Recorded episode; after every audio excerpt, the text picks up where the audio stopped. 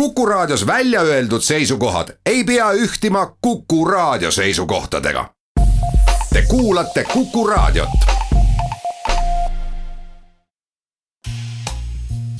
saadet toetab Norman Optika, nägemise heaks kuusteist minutit on kell üle kahe, fraktsioonitu ja parteitu riigikogu saadik Margus Tsahkna stuudios, tere Margus. tere päevast. palju puhanum kohe, kui ei pea erakonda juhtima ega ministriametit pidama. ja eks ta vaimule on ka selline kergem periood ja, ja, ja tegelikult on päris huvitav ja ega riigikogu liikmena saab ka ilma erakonnata teha tööd ja seesama eelarvemenetlus on olnud üks, kus sai ka kaasa räägitud mõnel teemal nagu kaitseinvesteeringud. jah, kui sa juba juttu sinna viisid, ma tahtsin küll Reformierakonnast alustada, aga jätame selle hilisemaks tõestasid, Margus, ilmselgelt, et parlamendi komisjonides tehakse ka teinekord tegelikult tööd, ehkki teinekord ei pruugi seda kuulaja uskuda ja valija. ja teine lugu see, et, et ka ühest riigikogu saadikust võib sõltuda päris palju, päris olulise rahanduspoliitilise dokumendi vastuvõtmine, nagu seda on riigieelarve. et piisab sul komisjonis nii-öelda pisut vetostada ja oma nõudmisi esitada ja ongi, võib ka asi liiva joosta ja ma saan aru, et IRL su endine koduerakond oli sunnitud vangerdama Mart Nuti tooma selle peale siis rahanduskomisjoni, et jumala eest need muudatused läbi läheksid ja no eks parlamendis on seda ka varem tehtud, et kui komisjonist oma tahet läbi ei saada, et siis üritatakse ja tehtaksegi tegelikult neid nii-öelda kodukorra seaduse järgi võimalikke vangerdusi ja tõepoolest toodi üks inimene juurde, aga ega ma midagi seal salaja ootamatult ei teinud, vaid siis kui selgus, kui riigikogule anti valitsuse poolt üle riigieelarve menetlemiseks, et et kokku lepitud äh, nii koalitsioonilepingus, riigi eelarvestrateegias kui ka muudes kaitsedokumentides ehk siis needsamad kaitseinvesteeringud, et neid on kärbitud kümne miljoni võrra järgmise aasta eelarvest, siis ma ütlesin ka väga selgelt välja, et äh, selle eest ma seisan. ja mul on väga hea meel, et äh, Hannes Hanso, kes on kaitsekomisjoni esimees ja kes on koalitsiooni kuuluv erakond äh,, koalitsiooni kuuluv poliitik samamoodi noh, olles olnud ise ka varem ju kaitseminister ja teades, et et see vajadus iseseisva kaitsevõime tõstmiseks, nende lünkade likvideerimiseks on väga tõsine ja, ja eraldi lisaks kahele protsendile see ka kokku lepiti. et ta võttis ja lõi selja sirgu ja noh, oli väga palju toeks selleks, et me saime tegelikult ju eile selle otsuse kätte, et see kümme miljonit tõstetakse tagasi. mulle isegi meeldib rohkem see otsus, et valitsus võttis selle kohustuse endale oma reservist eraldada. ja kuigi minu jaoks oli väga kummaline Äh, kaitseminister Jüri Luige, kellest ma väga lugu pean, seisukoht, et äh, meil on niikuinii nii palju raha juba, et äh, mis see kümme miljonit ikka on. siis see iseseisev kaitsevõime, et kuulajad aru saaksid, mis asi see on, et see on tegelikult mõeldud meie laskemoonavarude lünkade täitmiseks, ehk siis mitu päeva sõjalise konflikti puhul meie enda kaitsevägi suudab vastu pidada me oleme andnud lubaduse eelkõige enda kaitseväelastele ja enda kaitsevõime tõstmiseks, aga ka oma liitlastele, et selle lünga peame me ise äh, likvideerima, kuna seda ei aita meil ükski liitlane teha. nii et see on selline teema olnud pikalt üleval. mul oli hea meel, et see tänane valitsus leppis eelmisel novembril kokku, et kokku kuuskümmend miljonit ehk siis kakskümmend, kakskümmend, kakskümmend järgmise kolme aasta jooksul selle investeeringu teeb ja et ta ei tule mitte millegi muu arvelt, vaid ta on lisandatud siis ja, ja selles mõttes kaitserahadega ei ole kunagi äh, minu mälu järgi alates iseseisvuse taastamise ajast saadik eh, nagu mängitud, ehk siis eh, eelarveaukude lappimiseks võetud või lükatud kuskile edasi. ja mul on kokkuvõttes hea meel, et tõepoolest eh, küll kasutades ära ka oma positsiooni rahanduskomisjonis, andes märku ja kahjuks poliitilised otsused tihti juhtuvad läbi valu, võttis valitsuskoalitsioon seda väga tõsiselt ja, ja sai see kaitseinvesteeringute raha ära toodud ja see on eelkõige inimestele väga hea sõnum, et Eesti tegeleb kaitsega. no meenutame seda siis valitsuse istungil lubati jah, et see on ka natuke tingimisi võetud, et juhul kui nüüd tõesti järgmine aasta läheb seda hankeks vaja, hange läheb ludinal, siis see kümme miljonit leitakse, võetakse oma reservist ja saab see lugu korda. Margus, räägime, äkki me ei jõuagi muidu, räägime nüüd ka selle ära, mida sa politoloogina ja poliitikavaatlejana arvad nüüd Reformierakonna järjekordsest lahvatanud või ütleme järjekordselt väljapoole lahvatanud sisepingest, arvata võib, et seal on hõõrutud varemgi, aga nüüd siis jälle no tõepoolest noh, seda kuluaarides on räägitud, et äh, Siim Kallasel ja võib-olla perekond Kallasel on vaja mingit uut positsiooni. samal ajal kohalikud valimised näitasid ju, et Hanno Pevkur on erakonna juhtimisega hakkama saanud, Reformierakond tegi ju päris korraliku tulemuse. ja erakonna reiting on ka päris kõrgel, aga ka minule natuke ootamatult siis mõnes mõttes täitsa kummalisel ajal äh, Siim Kallas tõstis äh, üles küsimuse erakonna liidri äh, suhtes ja tegelikult väga selgelt umbusaldas ju Hanno Pevkurit. et no kui vaadata natukene lähiajalukku, et niipea kui Siim Kallas hakkas Eestisse tulema, ka eelmisel aastal, kui olid presidendivalimised, siis ju tema soolo oli ju see, mis lõhestas kokkuvõttes Reformierakonna ma pean toonase IRL-i esimehena tunnistama, et ka need jutud ja need kokkulepped Siim Kallasel Edgar Savisaarega külvasid väga tõsist umbusku. et mis Reformierakond ikkagi teeb pärast seda, kui presidendivalimised on läbi ja oli ka kuulda seda, et taheti koalitsiooni muuta. et sisuliselt see Siim Kallase soolo eelmine kord viis selleni, et Reformierakond kukkus valitsusest välja. seda võime täna tagantjärele öelda, kõiki neid väikseid samme kokku arvestades. Ja teine pool, noh, ka seda on ju räägitud ja isegi ajalehest lugedes, et see Reformierakonna sees kutsutakse seda Kallase-Michali paktiks.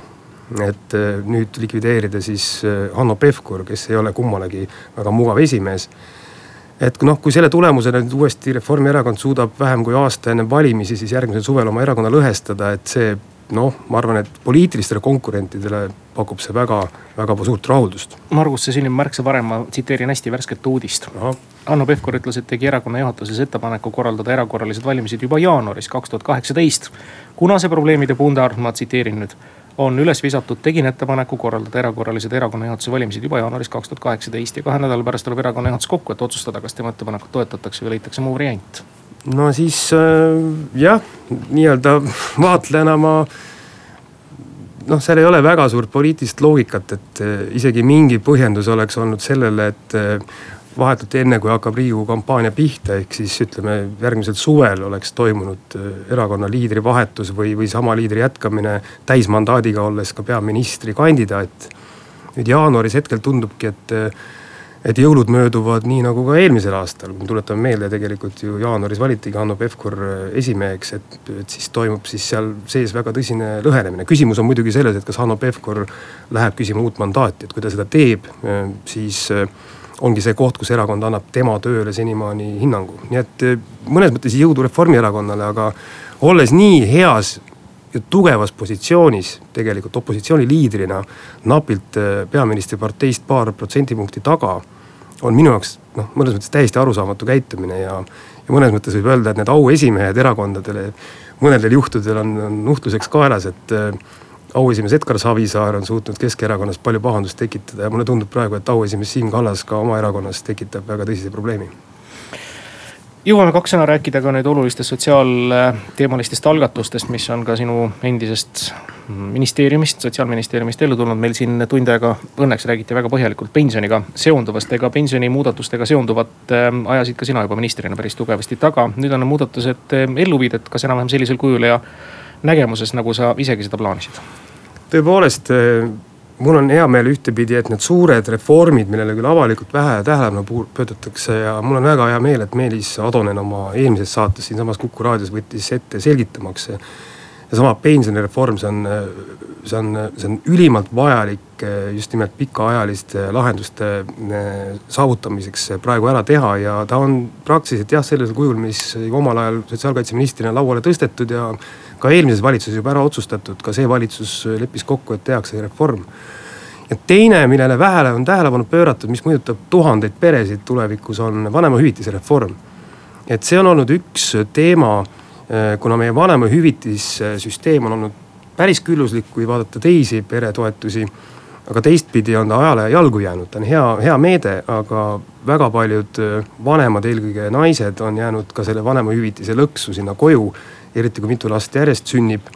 Äh, tööturg vajab tegelikult neid, äh, eneseteostus on väga oluline pool, et see muutub äh, vabamaks, ehk siis nii-öelda kodus olemine ja töötamine samaaegselt ja teine on väga oluline see isade rolli tõstmine, ehk siis isade, isade puhkus pikeneb kokku kolmekümnele päevale. no miks see alles kaks tuhat kakskümmend? no seda nüüd tõesti peaks küsima selle tänase koalitsiooni käest, ma arvan, seal taga on lihtsalt. Äh, mingid majanduslikud kaalutlused. ma arvan, et puht äh, eelarvelised äh, küsimused ja teine on see, et teatud muud muudatused tahetakse ennem ära teha, et seal on täna on see nii-öelda vanemahüvitise ja peretoetuse süsteem on hästi killustatud, et need viiakse tegelikult ühte kokku ja.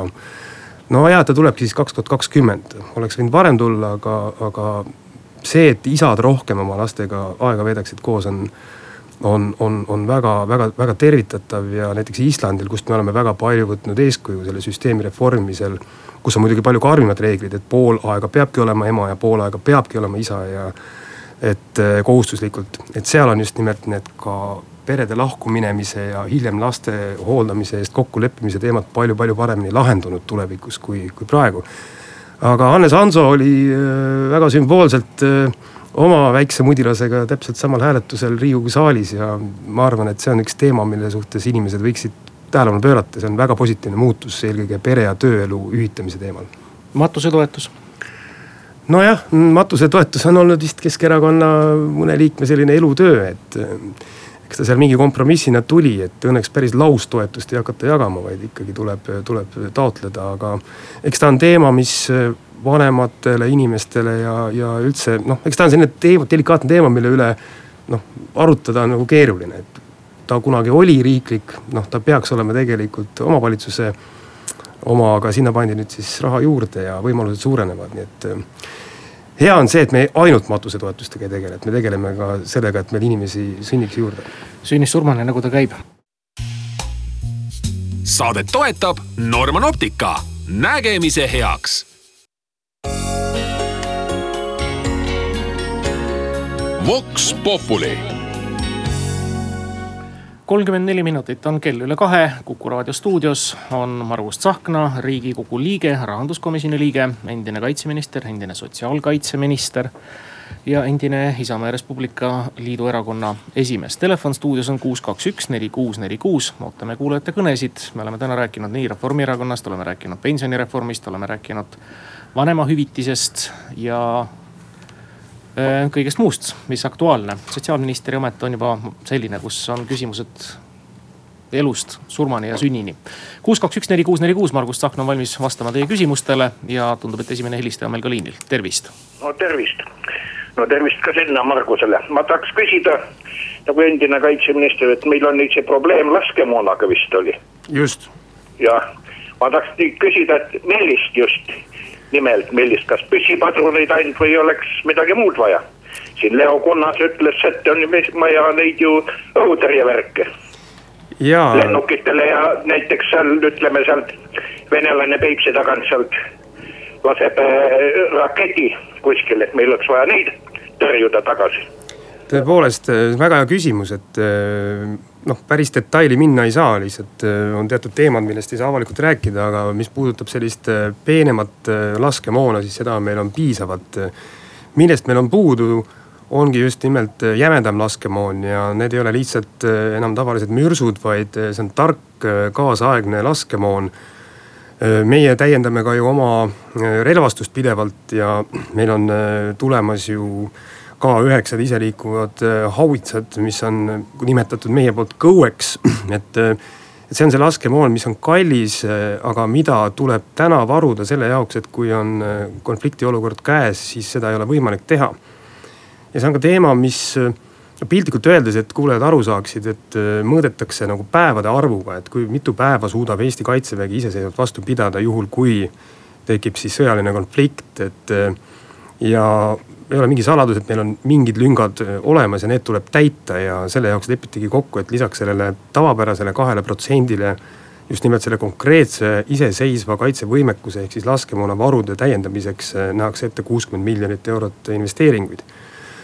nüüd äh, üks lünk, millega me tegeleme koos teiste Balti riikidega, ongi seesama õhuturve, õhutõrje eelkõige ja siin eelkõige me peame tegema koostööd oma liitlastega. hea uudis on see, et Ameerika Ühendriigid on otsustanud just nimelt Balti riikidesse eraldada oma kaitse-eelarvet äh, üle saja miljoni dollari, et see on see koht, kus ma loodan, et meile tuleb ka kindlasti tuge just nimelt õhukaitse jaoks. see on selline teema, mis on väga kallis, mida tuleb teha koos äh, ja mille jaoks äh, meil vahendeid kindlasti kolme kolme Balti riigi kohta ei saa olema või teine variant, et kui ühiskond ei otsustaks, et äh, kaitsekulutused oleksid üle nelja protsendi kõikidel, aga noh, seda debatti arvatavasti võib-olla peetakse kaks tuhat üheksateist valimiste eel. nii et need on need teemad ja, ja need on teemad, millega poliitiliselt mängida minu arvates ei tohiks ja kui on kokku lepitud, siis tuleb ära teha, sest et äh, ega igapäevaelu probleemide kõrval tundub tõesti, et miks meil need äh, mürsud ja kogu see laskemoon peab olemas olema, aga kui, kui tegelikult jamaks läheb, siis, siis on liiga hilja tegutseda ja kahjuks on rahvusvaheline poliitiline olukord ja julgeolekuolukord keeruline ja meie idanaaber on selline, nagu ta on, nii et pigem varume täna, räägime avalikult nendest asjadest ja, ja väga suurt sellist poliitilist tüli üles ei, ei tõmba Telefon kuus, kaks, üks, neli, kuus, neli, kuus. Margus Tsahkna vastab kuulajate küsimustele ja kuulajad aga küsivad, tervist. halloo. tervist. tervist, olge hea, keerake raadio vaiksemaks, siis me saame küsimusest aru. Aga ma ei saa aru, kust see vaenlane meil siis on lõpuks, punkt üks. no aga mina ütlen ausalt ühe asja, ma ei saa nüüd minu isa oli ka teises maailmasõjas, võitles sakslase vastu, üle saja sakslase notis Kuuramaal, Lätimaal maha ja, ja sakslane kallale ei tule. ei, Korea ei tule kallale meile, ma arvan, ka, ka Soome ei tule ka kallale koos Putiniga. noh, see on kõik, aitäh kuulamast. no meil on selles mõttes ühtepidi lihtne olukord, et äh, tõepoolest äh, kindlasti ei tule meile kallale soomlased, rootslased ja lätlased äh, ja vaevalt ka sakslased, ma olen täiesti, täiesti kindel selles. küll aga idanaaber on oma välispoliitikas olnud väga ambitsioonikas ja, ja me ei tohi kuidagimoodi jätta tähelepanuta seda, mis on lähiajaloos juhtunud, et mitte teises maailmasõjas, vaid see, mis toimus Ukrainas, mis toimus Krimmiga, see, mis toimus Gruusias et eh, ega need teemad on kõik ju õhus ja see vastasseis, mis on eh, Venemaal eh, Ameerika Ühendriikidega näiteks või need pinged, mis on ka näiteks Põhja-Koreaga seoses, et tundub meist väga kaugel olev probleem. aga kui kogu tähelepanu mingisuguses relvastatud konfliktis näiteks sealkandis koondub, siis on jällegi vähem tähelepanu meie kandis, nii et noh, meie oleme täna mina ütlen küll, et elanud siin noh, ikkagi aastatuhandeid, viimane sada aastat on olnud meie väga keeruline, et kui meid veel ütleme mõned aastad tagasi ei võetud nii tõsiselt seoses Venemaa ohuga ja sellest, et me rääkisime sellest, siis mõnes mõttes seesama Ukraina ja Gruusia konfliktid äh, näitasid, et meil kahjuks on olnud õigus ja pigem olla ettevaatlik ja valmistuda selleks võimalikuks konfliktiks. Ja teine on seesama heidutuse pool, et ega Venemaa saab aru ja Putin saab aru tegelikult ainult väga tugevast ja konkreetsest jutust ja. ja selles mõttes ma võin küll öelda, et Eesti on äh, rohkem kaitstud kui kunagi varem. sest et lisaks omaenda iseseisva kaitsevõime arendamisele on meil nüüd reaalselt kohal äh, selle aasta kevadest äh, kõikides Balti riikides kokku üheksateistkümne riigi sõjaväed oma relvastusega, oma võimekusega ja esimest korda me olemegi tegelikult ühiselt selle NATO Euroopa Liidu piiri peal, nii et me ei ole enam kunagi üksi ja see on väga suur saavutus, ma arvan, nii meie diplomaatide poliitika kui ka, kui ka selles laiemas arusaamises, et, et Venemaa on reaalselt ikkagi julgeolekuoht ja noh, see potentsiaalne vaenlane on sealpool. järgmine helistaja oma küsimusega liinil, tervist. no tere jõudu jah, no mina, kes ma olen tõesti, ütleme niimoodi, et, et mitte sõjaard on loomulikult seda juttu, mis siin see poliitprolle praegu jahub, ausalt öeldes nilbe kuulata. aga see selleks, tähendab, aga, aga teades seda, et eestlased on nutikad. Eh, ja kui me siin räägime mingitest varudest, relvavarudest ja lahingumoonavarudest, eh, siis minule meenuvad kohe teraviljavarud. et eh, kas me võime siia tuua analoogiat täpselt nii salapäraselt, kui meil kaob teravili on ka meie laskemoona-varud tegelikult hüpoteetilised, aitäh no eks kodune kasvatus mõnel inimesel võib-olla jätkab soovida, aga teema iseenesest on tõsine, et äh, muidugi me ei pea tegelema ainult laskemoonavarudega. ja need laskemoonavarud on meil reaalsed äh, ja selle jaoks me sinna ka rohkem vahendeid paneme, et nad oleksid veelgi veelgi suuremad ja reaalselt olemas, mitte ainult paberi peal, et see aeg on meil kindlasti möödas, kus me paberi peal olid äh, armeed, mida me liigutasime, et sellel aastal äh, võeti vastu ka järgmise kümne aasta riigikaitse arengukava, kus on väga täpselt paika pandud kõikvõimalikud vajadused ja väga reaalselt ära hinnatud ja pigem tuleb vaadata nende numbritele otsa väga ausalt, mitte, mitte neid paisutada ja teine teema on see muu julgeolek, et ega see on laiapindne julgeoleku teema. kuidas ühiskond on üldse valmis, kuidas ühiskonna mentaalsus on valmis, et kui, kui ikkagi äh, nüüd meie seast lahkunud meie esimese äh, kaitseväe juhataja siis peale iseseisvuse taastamist. Äh, kindral Neilsoni esimene päevakäsk oli see, et me hakkame igal juhul vastu, siis me peame selleks ka valmis olema ja õnneks neid inimesi Eestis on väga palju ja Eesti ühiskonna toetus sellele, et me igal juhul hakkame vastu, on väga suur aga julgeolek tähendab ka energiajulgeolekut, tähendab toiduvarude julgeolekut, nende varumist ja see kõik on see, mis Eestis tehakse, ma arvan, päris heal tasemel. uus helistaja, tervist. Juba jõudis toru ära panna. aga number on nüüd vaba, kuus, kaks, üks, neli, kuus, neli, kuus. peaasjalikult on kõned tulnud siis kõik meie kaitsevõime kohta ja kaitseinvesteeringute kohta. ja väga tore, et need asjad said ka nüüd lahti seletatud selles osas, mis investeeringud need on. tervist. tere. kuulame. mul on, ja mul on selle, selle sõjaväega selline küsimus, et viimane see koolireform, kus siis kaotatakse kõik äh, need nõuded, kehalised nõuded ja muud sellised asjad ära, et, et kuidas nagu meie mehi tugevamaks saada koolis. et mis te sellest arvate? aitäh, see on väga-väga hea küsimus, et äh, üks reform, mille me ette valmistamise, valmistasime ja praegu, praegu seda viiakse ellu. ongi see, mis puudutab ajateenistust, et äh, kui täna äh, meie aasta käigust ainult kolmkümmend protsenti poistest siis saavad selle heakskiidu arstlikult komisjonilt, et nad kõlbavad kehaliste võimete poolest ajateenistusse Äh, noh, see on see, millega kindlasti keegi rahul ei ole ja, ja mina ütlen, et see pilt ei ole tegelikult selline, et kui me vaatame Soomes, äh, kus ma arvan, et noored on samasuguses olukorras on aasta käigus äh, need noored, kes tulevad ja kes on võimelised minema ajateenistusse, see protsent üle seitsmekümne. Siis me peame ise oma seda süsteemi reformima, me peame tegelikult suutma hinnata nende noorte tervist. ma toon ühe näite näiteks, et kui Saaremaal äh, vist ja Hiiumaal, Hiiumaal vist pigem rohkem, just Hiiumaal oligi see, kus peaaegu mitte ükski poiss ei olnud äh, vaimselt ja, ja füüsiliselt võimeline minema ajateenistusse, siis näiteks äh, üle lahe Haapsalus oli see protsent ikkagi peaaegu kuuekümne lähedal, et see näitab, et seda korraldust tuleb ka teha. teine pool on see, et ka ajateenistus ise peaks olema auasi ja ajateenistuse ümberkorraldamine niimoodi, et ka motiveeriks noori. ka sellega kindlasti tegeletakse ja, ja see väärtustamine on ülimalt tähtis, et ka näiteks Soome, ma arvan, me peamegi Soomest suuresti eeskuju võtma, et väga oluliseks peetakse, et kui noor on läbinud ajateenistuse saab ta ka riigilt sellise iseloomustuse ja toetuse suunamiskirja, mis aitab tal tulevikus tööd leida. Ka Eesti ajateenistuses ju tegelikult saadakse palju positiivset, saadakse juhtimiskogemus, saadakse autojuhiload näiteks. ja, ja noh, see on ka väga praktiline, praktiline teema ma tean ühte catering'i firmat, ma ei hakka siin nime nimetama, kes pani oma töökuulutusse sisse, et eh, võetakse tööle ja otsitakse noori, kes on läbinud ajateenistust ja nende, ma vestlesin nende selle personalijuhiga, et miks niimoodi, miks te teete seda. Siis ta ütleski, et eh, see on väga suur vahe, kui noor on käinud ajateenistuses ära, tegelikult on vastutustunne, on tegelikult ühiselt eh, tehtud tööd, on mingi juhtimiskogemus. ja see silmavaade on natuke teistsugune, nii et kindlasti ei tohi lihtsalt lõdvendada neid tingimusi noortele, vaid tuleb vaadata, mis need tegelikud probleemid on.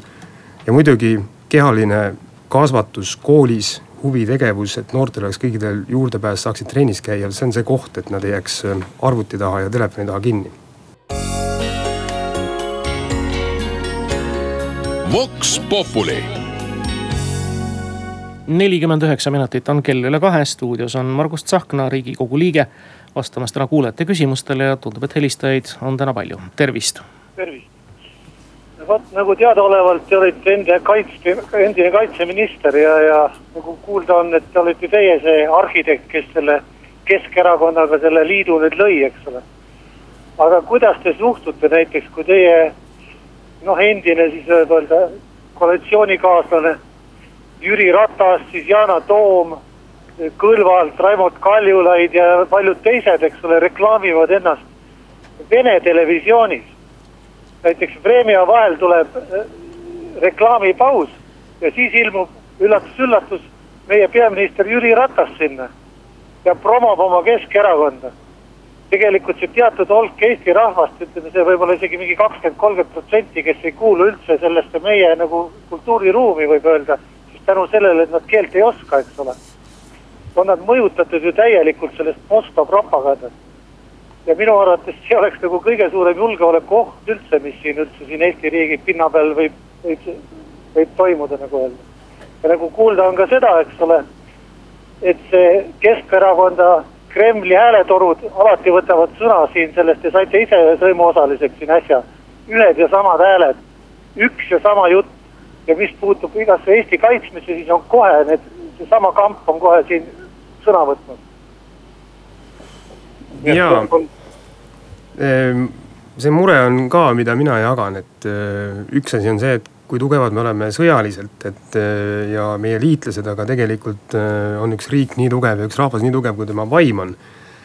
ja tahes-tahtmata seesama äh, nii-öelda strateegiline kommunikatsioon ja kõik see pool, et kas meil on mingi oma lugu, millesse Eesti rahvas usub, mida kaitsta ja see vabadus, et noh, seda peab, sellega peab iga päev tegelema üks asi, mille me leppisime kokku kõige esimesena üldse, enne kui hakkasid koalitsiooniläbirääkimised, oli see, et äh, Eesti julgeoleku, välis- ja kaitsepoliitika liin peab väga selgelt jätkuma ja kui vaadata kasvõi sedasama teemat, mis see nädal oli väga tugevalt üleval, et me investeerime rohkem oma kaitsesse ja, ja, ja meil on väga selged seisukohad selles suhtes, et äh, Venemaa on meie potentsiaalne oht ja nii edasi, et valitsusele mul ei ole täna küll midagi ette heita ja, ja, ja Jüri Ratasele Äh, ka mitte sellel teemal. küll aga ei ole mingi saladus, et ka mina äh, olen väga selgelt välja öelnud, et näiteks Yana Toomi seisukohavõtud või, või Oudekki Loone seisukohavõtud, mis puudutavad meie rahvusriiki või, või, või, või suhestumist Putini režiimiga, noh. Need on need teemad, millega mina mitte kunagi ei nõustu ja, ja, ja need tuleb ka väga selgelt välja öelda kui see, et äh, kuskil Vene telekanalis äh, näiteks meie peaminister Jüri Ratas edastab äh, Eesti riigi seisukohti, noh pigem on see nagu positiivne. kui aga tehakse Vene telekanalites sellist reklaami, et tuleks nii-öelda riigikorda muuta ja tuleks vanad head ajad tagasi tuua, vot see on see koht, mille suhtes minul mitte mingit sallivust ei ole. ja õnneks üha enam saadakse ka aru, et selline nii-öelda jutumärkides äh, uudisteagentuur Sputnik. Ei ole mingisugune vaba meedia nähtus, äh, mida rahastatakse Venemaa poolt, mis on tegelikult ju propagandarelv, mitte mingisugune vaba ajakirjandus. Ja see ei ole mitte ainult Eesti probleem, see on kogu, kogu nii-öelda vaba, vaba maailma probleem. et äh, Sputnikuga suhtlemine on ikkagi viidud vähemalt riigi tasemel väga minimaalseks, et sellise vaimu ja sellise noh, enesekindluse ja kaitsetahte murdmine on, on esimene asi, mida meie võimalik potentsiaalne vaenlane tahab teha. aga õnneks Eesti rahvas on selline, et äh, me saame ikka kokku laulupidudel ja me näeme, et meid on ikka rohkem kui tavaliselt kuskil oma, oma, oma, oma külas või, või oma naabruskonnas ja, ja täna ma võin öelda küll, et Eesti, Eesti rahvas on, on valmis ikkagi oma vabaduse eest seisma ja sellist toetust kaitsele ja kaitsepoliitikale noh, on väga raske kuskilt mujalt riigist leida, kui Eestis on, nii et meil on ka põhjust olla uhked endale kuus, kaks, üks, neli, kuus, neli, kuus on ta sellisena, tervist. tere. pensionireform võetakse küll vastu, aga ei suudetud lahendada nende olukorda, kelle ainuke sissetulek on Eesti riigi pension, aga sellegipoolest võetakse iga kuu maha kakskümmend protsenti, mm, kui nad mm, ajutiselt vahepeal eh, ka juhuslikult viibivad välismaal, et Nõukogude Liidu ajal käisid ka pensionärid sugulastel külas, aga pensioni siis ei kärbitud. kuidas te seda kommenteeriksite? mul on natuke praegu hetkel arusaamatuks see, see probleemi koht, et üks asi, mis on otsustatud juba siis mõni valitsus tagasi, on see, et äh, meie keskmine pension äh, ei oleks tulumaksuga maksustatud ja nüüd on ka seda uue selle tulumaksureformi käigus vaadatud, et tegelikult need sissetulekud, mis on kuni viissada eurot, on üldse tulumaksuvabad. samal ajal äh, üks positiivne pool, mis Eestil on, on see, et kui inimene saab pensionit, siis ta võib ka töötada ja, ja pension ei, ei kao, et väga paljudes Euroopa riikides on niimoodi, et kui sa lähed tööle, siis sa pensionit ei saa aga see, et meie pensionid on ikkagi suhteliselt väiksed, noh, see on tõsiasi. riik eh, iga, iga aasta üritab neid pensioneid ka nii palju tõsta kui võimalik, aga eks see, eks see tuleb meil ka sellest minevikust mingil määral, et eh, täna makstakse ikka väga suur osa pensionitest otse riigieelarvest ja ja see pensionireform, mis praegu öö, eh, käima läheb, et ma siin ka rõhutan üle, et meie tänased pensionärid eh, absoluutselt sellest kuidagimoodi puudutatud ei saa. et tegelikult see jõustub alles kaks tuhat kakskümmend seitse minu mälu järgi, kui nüüd see vastu võetakse ja. ja me räägime ikkagi täna sellistest minuvanustest ja noorematest inimestest, kes siis eh, pigem tänu sellele reformile saavad tulevikus ka vähemalt umbes sama suurust pension suhteliselt keskmisest sissetulekust kui täna. vastasel juhul tegelikult need pensionid oleksid väga väikesed, nii et eh, pensionireformid on väga pikaajalised ja mul on hea meel, et ka praegune valitsus ja ma tahan kiita tegelikult sotsiaalkaitseminister Kaia Ivat. et ta nende teemadega edasi lähevad, et ega need nagu päevapoliitiliselt populaarsed ei ole, aga, aga need on väga olulised meie pikaajalise pensionisüsteemi jätkusuutlikkusele. ja ilmselt võtame vastu tänase viimase kõne, tervist äh,. tere, ma võib-olla tahaks, tahaksin küsida, et kuidas Kaitseliit ja võib-olla ka ajateenistus juba suhtub äh, noortesse, kes on või kes on võib-olla omandanud juba kõrghariduse ning isegi võib-olla kutsehariduse, et ja et neid tõesti integreeritakse siis kas Kaitseliidus või ajateenistuse kohtadele, äh, kus nad leiavad siis enda äh, erialaste nagu oskustele kõige paremad nagu kasutused siis nagu selles mõttes, et kui nad tõesti, neil on spetsiifiline oskus, et nad leiaksid võib-olla Kaitseliidus koha, kus nad saaksid enda ajudega kõige rohkem siis nagu võib-olla siis sellist nii-öelda sõdimist teha, aga mitte siis nagu relvaga, aitäh ja see on äh, väga oluline teema ja sellega tegeletakse, ma tahan kiita siin äh, Kaitseliidu ülemat äh, kindral Meelis Kiilit, et tema, tema selline doktriin, nagu ta ise nimetab, on ka see, et ühed on need, kes päriselt reaalselt võitlevad, aga on ka need võimendajad ja need toetajad. ja üks hea näide, mida Kaitseliit teeb ja mida käiakse ka nüüd ülejäänud maailmast vaatamas ja õppimas, on tegelikult seesama küberkaitseliit, ehk siis need inimesed, kes igapäevaselt tegelevad IT valdkonnaga on süsteemselt äh, kokku võetud ja nad on valmis tegelikult äh, küberkaitses äh, oma panuse kaasa andma. see on üks näiteks, üks konkreetne näide, aga Kaitseliit ootab oma ridadesse kõikvõimalikke erinevaid inimesi ja, ja koostöös kaitseväega tegelikult selline laiapindne kaitsevõimekus ongi ju plaanis välja arendada. üha enam just nimelt kasutades ära neid erioskusi, mis inimestel on kuni selleni välja, et kui meil peaks tekkima kriisiolukord, et siis meil oleks ülevaade näiteks, millised transpordivahendid meil on erasektoris, et teha kokkuleppeid nende firmadega, et nad annaksid need riigi käsutusse ja nii edasi ja nii edasi. nüüd eraldi teema, mille üle mul on hea meel, mille me suutsime käivitada, on ka noorte töö.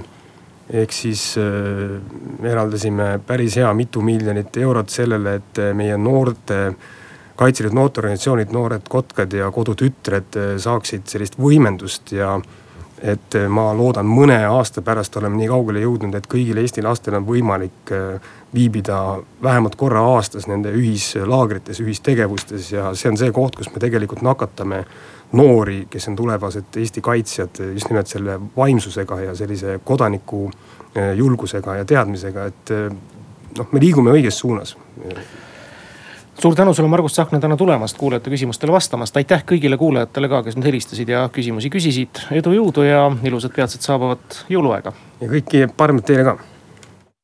raadio Kuku